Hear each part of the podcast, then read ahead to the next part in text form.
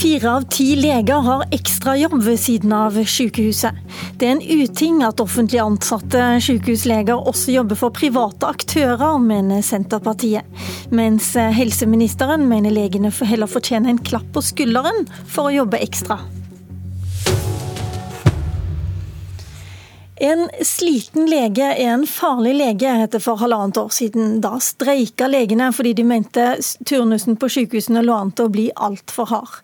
Men så kan det se ut til at leger har bedre arbeidskapasitet enn de fleste, for fire av ti leger har faktisk bistillinger i tillegg til den ordinære jobben på norske sykehus. Og Da får man jo et sterkt inntrykk av at norske leger har en slags ekstra arbeidskapasitet som ikke blir fullt utnytta i deres ordinære jobber. Stemmer det, Kristian Grimsgaard, du representerer Legeforeningen og er konserntillitsvalgt i Helse Sør-Øst? Ja, det er nok mange leger som er veldig opptatt av jobben og jobber mer enn eh, vanlig arbeidstid innenfor sitt område. De vil gjerne tjene ekstra også, gå ut ifra? Det er, viktig å nyansere det litt. Altså, de aller fleste jobbene vi snakker om her, er eh, type stillinger i offentlig sektor. Det kan være bistillinger som undervisere ved universitet eller høyskoler. Det er i omsorgsboliger, det er på sykehjem. Så, så, det er en rekke eh, jobber som vi nok vil at, eh, ha dekket på en eller annen måte.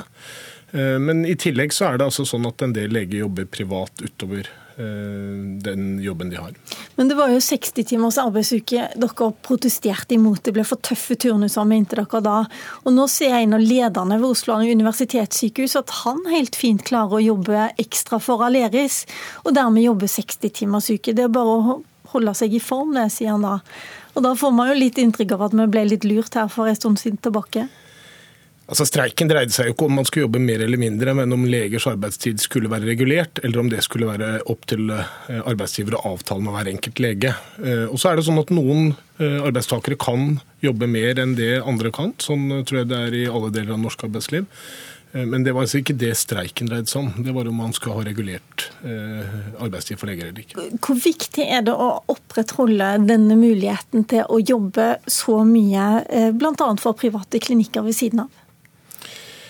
Det er vel ikke noe viktigere for leger enn for alle andre uh, arbeidstakere at man uh, uh, har råderett over sin egen fritid. altså At arbeidsgiver eier deg i forhold til den arbeidet du gjør for arbeidsgiver, men at på kveld og utenom vanlig arbeidstid så kan du råde over fritiden din. Det er sånn lovverket er lagt opp for helsepersonell som for alle andre arbeidstakere i Norge. Ifølge loven, ifølge retningslinjene, så er det spesielt viktig eh, Man skal være strengere i forhold til ledere. Men så leser man altså i Dagens Næringsliv at um, der er leder for kvinneklinikken ved Oslo universitetssykehus. Han har ansvar for 700 mennesker, og han jobber ved siden av på, på Aleris. Faktisk, Da jeg skulle ringe han i går, så var det bare ett nummer som sto oppført i telefonkatalogen, og det gikk rett til Colosseum-klinikken. Men er det riktig at 40% av lederne også skal jobbe, ha bistillinger ved siden av? Altså Man må være spesielt varsom med stillinger hvor man driver innen helprivat eh, virksomhet. Man er jo ikke det da, hvis nei, så nei, mange det gjør det. Det andre er at man som leder, selvfølgelig, der er det spesielle hensyn fordi at man da sitter og treffer mange avgjørelser som kan eh, påvirkes at man har en stilling ved siden av. Så det, Alle er enige i at da skal man utvise spesiell varsomhet, og dette er jo noe arbeidsgiver da skal uh, vurdere. Kjersti Toppe, du er helsepolitisk talskvinne for Senterpartiet. og Du sier til DN at det er en uting at offentlig ansatte sykehusleger skal ha bistillinger i private klinikker. Hvorfor mener du det? Jeg mener at eh, det truer legene sin, eh, sin, eh, habilitet, integritet, og det at alle kan ha tillit til helsevesenet vårt. Leger kommer i en uheldig dobbeltrolle. Og da, da tenker jeg på at legene jobber privat, gjerne med akkurat det samme medisinske området som de jobber på ved det offentlige sykehuset. Og vi har fått mange tilbakemeldinger òg før. Dette ikke første gang dette blir en diskusjon, eh, der eh, denne dobbeltrollen til leger blir, eh, blir, satt søkelys på. og Det er, synes jeg er veldig uheldig. Og, Så du vil, for, du vil, rett og slett forby de du å jobbe i private klinikker? Jeg mener det må bli en del av arbeidsavtalen til helseforetakene. At de da ikke kan jobbe i konkurrerende virksomheter, burde jo være opplagt. Og det er ikke en voldsomt avsnevring av, av legene sin, sin frihet på, på fritida. Jeg ser annerledes på det når det blir snakk om forskning på universitetet osv. Det er en annen greie. Det er jobb i konkurrerende virksomhet eh, som jeg mener ikke bør forekomme. Og det er hensyn til legene sin integritet og habilitet. Bent Høie, fritt behandlingsvalg, det er noe du har ivra mye for som helseminister. Men er meningen med det frie behandlingsvalget eh, at du skal kunne velge om overlegen du snakker med skal operere deg på sykehuset eller på den private klinikken sin? Nei, hensikten med fritt behandlingsvalg er jo å få ned ventetiden, og det har vi jo òg eh, lykkes med. Sånn at det står jo færre folk i helsekø, og flere får raskere, raskere hjelp, og det er kjempebra for pasienten. Eh, og så er det jo sånn at det store omfanget av leger som har bistillinger, de eh, er, helt, det er vi helt avhengig av for at det skal bli utdanna nye leger på universitetene, for at eh, legevakten skal gå rundt, for at kommunen skal ha god, god nok dekning. Og mange jobber òg med, med, forskning og utvikling. Så er det òg noen som jobber, jobber privat, og det er òg noe som jeg mener det er feil å mistenkeliggjøre, og, og, og som, som Senterpartiet her gjør. Det som er viktig, er at en er åpen med arbeidsgiver om det, og at arbeidsgiver gjør en god og klok vurdering om dette er eh, utfordringer knytta til eh, spørsmål om habilitet og sånt, eller om det ikke, eh, ikke er det. Og Der kan en bli enda bedre på registrering. Og det må jeg jo bare si da, at åpenhet det finnes jo egentlig ikke, for ifølge Riksrevisjonens gjennomgang som kom rett før jul, så er det hva er det for noe, nesten én av ti bare som rapporterer til helseforetakene at de faktisk har eh, bistillinger, og hva de faktisk jobber med.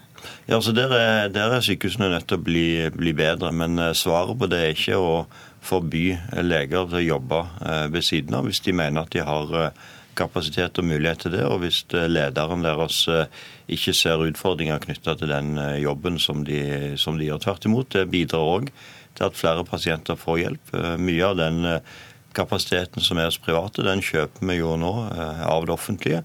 Nettopp for å holde sykehuskøene nede og for at flere skal få hjelp. Er ikke du bekymra for at ventelistene skal øke igjen, Toppe, hvis de ikke får lov til å jobbe privat på si, sånn som de gjør i dag? Eh, nei, eh, jeg tenker at eh, vi må skape et robust helsevesen, og det gjør en ikke med å, og lite på at leger skal jobbe både privat og offentlig, og tro at det er retningen eh, framover. Jeg reagerer på at helseministeren tar så lett på dette. Eh, det at han nærmest oppfordrer leger til å eh, jobbe og ha bistillinger i det private. At det faktisk viser seg å være en del av reformen fritt behandlingsvalg. At en skal få en, den dobbeltrolle hos, hos legene. At en, at en ikke ser at det er et problem at en lege jobber eh, i konkurrerende virksomhet. Og så er det jo slik at det er helseministeren selv som ikke har fulgt opp dette de siste fire årene. Det har ikke vært eh, tatt opp, eh, det sier Riksrevisjonens rapport. Det har ikke vært en del av styringsdialogen mellom departement og helseforetak. Selv om dette med å rapportere er ikke bare noe som bør gjøres, det er en del av helsepersonells lover. La meg få sitere, den, la meg få sitere Riksrevisjonens rapport, Bent Eie. for Kjersti Toppe har jo faktisk rett i det som står her. Alle de regionale helseforetakene har omtalt bierverv i de årlige meldingene for 2013. Det var det året som dere tiltrådte.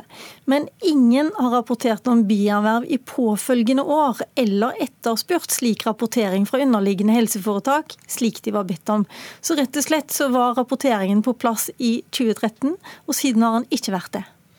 Nei, men uh, Dette er jo et krav som ligger i helsepersonelloven. Uh, og Jeg forventer selvfølgelig at sykehusene følger loven. og når, når Riksrevisjonen har påpekt at en del ikke gjør det, så kommer det til selvfølgelig bli skjerpa inn. Men noe av det som jeg gjorde når jeg ble helseminister, det var å redusere og over halvere antallet rapporteringskrav på sykehusene. Fordi det var, ble brukt veldig mye tid og mye byråkrati på rapportering av smått og stort eh, inn til departementet, uten at nødvendigvis det førte til bedre resultater. Sier du at var, dette var litt sånn unødvendig som, rapportering ja, også? Ja, faktisk er det sånn at jeg eh, sier forventer at eh, sykehusene følger loven. Og det er ikke da nødvendig at de rapporterer til meg at de følger loven. Jeg sier at jeg legger det til grunn. Eh, også hvis vi da ser at det er områder som trenger eh, mer oppmerksomhet, så har vi muligheten til å følge opp det. Men hvis jeg skulle bedt sykehusene rapportert til meg på alt som er lovregulert, i tillegg til at det faktisk er pålagt gjennom loven, så hadde en ledere på alle nivåer i sykehusene brukt ekstremt mye tid for å skrive lange rapporter til departementet, som de heller bør bruke for å lede virksomheten sin på å behandle pasienter. Er ikke du bekymra for disse tidstyvene, Toppe? Ja, dette ble jo en bortforklaring. Det er jo sånn at Dersom en ser en utfordring i helsevesenet, så må en jo ta det opp med de som faktisk utfører den jobben. Og Her har ikke helseministeren vært opptatt av akkurat dette, og det er ikke så rart. fordi at Han uttaler nå til Dagens Næringsliv at han tvert imot ser det eh, som bra eh, at han har bierverv. Så det har ikke vært fokus eh, og sånn der. Men jeg er altså bekymra for de offentlige sykehusene. For det at nå har vi, altså Etter 2013 har vi òg fått reformen fritt behandlingsvalg, der en i mye større grad er utsatt for en konkurransesituasjon mellom privat og offentlig virksomhet. Og Riksrevisjonen sier jo selv at de forventer en økning i bierverv for å få dette til å gå hop. Og Derfor så er det nå mye viktigere enn før å få klare regler for hvor leger kan jobbe. Og jeg mener det burde kommet et krav om at eh, en ikke skal jobbe i konkurrerende virksomhet med det offentlige. Kanskje du bare sier helt kort til slutt, Bent Høie. Skal du stramme inn, eller tenker du det er greit som det er nå? På rapporteringen kommer det å bli eh, stramma inn. Men eh, så er det, mener jeg, det er den enkelte leder lokalt som best vurderer om det å jobbe med bierverv privat det er et problem. Jeg mener at eh, dette bidrar til å holde helsekøene nede, og at folk ønsker å jobbe ekstra. Det er jeg bare positiv til. Hjertelig takk, Bent Høie, Kjersti Toppe og Kristian Grimskov.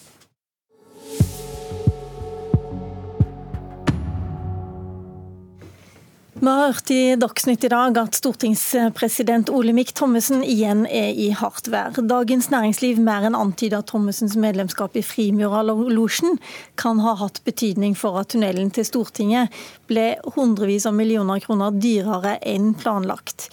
Tunnelen skal ha blitt flytta etter forslag fra en handelsstandsforening der losjen var medlem, og det avviser Thommessen på det sterke. Thomas, eh, nei, Thommessen ja, han vil ikke være med oss i Politkvarter, men det vil heldigvis du, eh, kommentator Magnus eh, Takvam. Hvor mye brenner nå jorda under stortingspresidenten? Det er klart Han er under et veldig sterkt press. Denne siste saken som ble, ble, kjent i dag, er selvfølgelig pikant. Hans kobling til Frimurerlosjen og Frimurerlosjens interesse i utbyggingen i deres nærområde rundt Wessels plass. Men samtidig så, så føler jeg at den er en isolert sak som ikke i seg selv, på en måte, slik jeg har oversikt over det, på en måte har hatt den typen innflytelse at det feller han. Eh, men det er klart det er en, eh, er en pikant sak som, eh, som, øker presset på ham.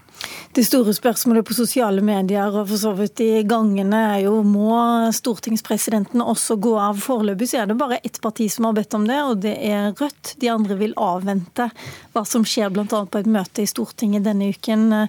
Hva må Thommessen si da for å roe ned gemyttene? Ja, altså, han må komme opp, og Presidentskapet må komme opp med en mye bedre forklaring på de siste overskridelsene som ble kjent eh, for noen dager siden, og som eh, førte til at direktør Ida Børresen måtte gå av. Til nå har det ikke vært mulig å forstå eh, ordentlig hva som førte til en ekstrakostnad på eh, 500 millioner kroner, var det vel. Eh, slik jeg har forstått denne siste gjennomgangen, så har den skjedd på den måten at man har fått noen nye øyne til å gå gjennom hele prosjektet så å si fra null på nytt igjen. Eh, og så har man da endt opp med denne økte kostnadsrammen som, som, som vi snakker om.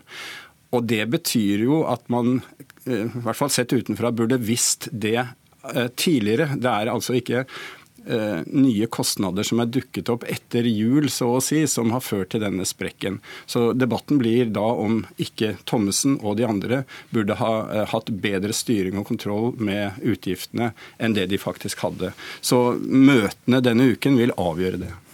Men eh, er det, er det bare Thommessen som sitter med det ene ansvaret nå til syvende og sist, eller er det hele presidentskapet? Det er klart, eh, det er mange som også har en arv fra tidligere presidentskap, men han har hovedansvaret. Og det er ingen tvil om at han er under sterkt press, og det er helt åpent om Thommessen faktisk kommer til å kunne fortsette.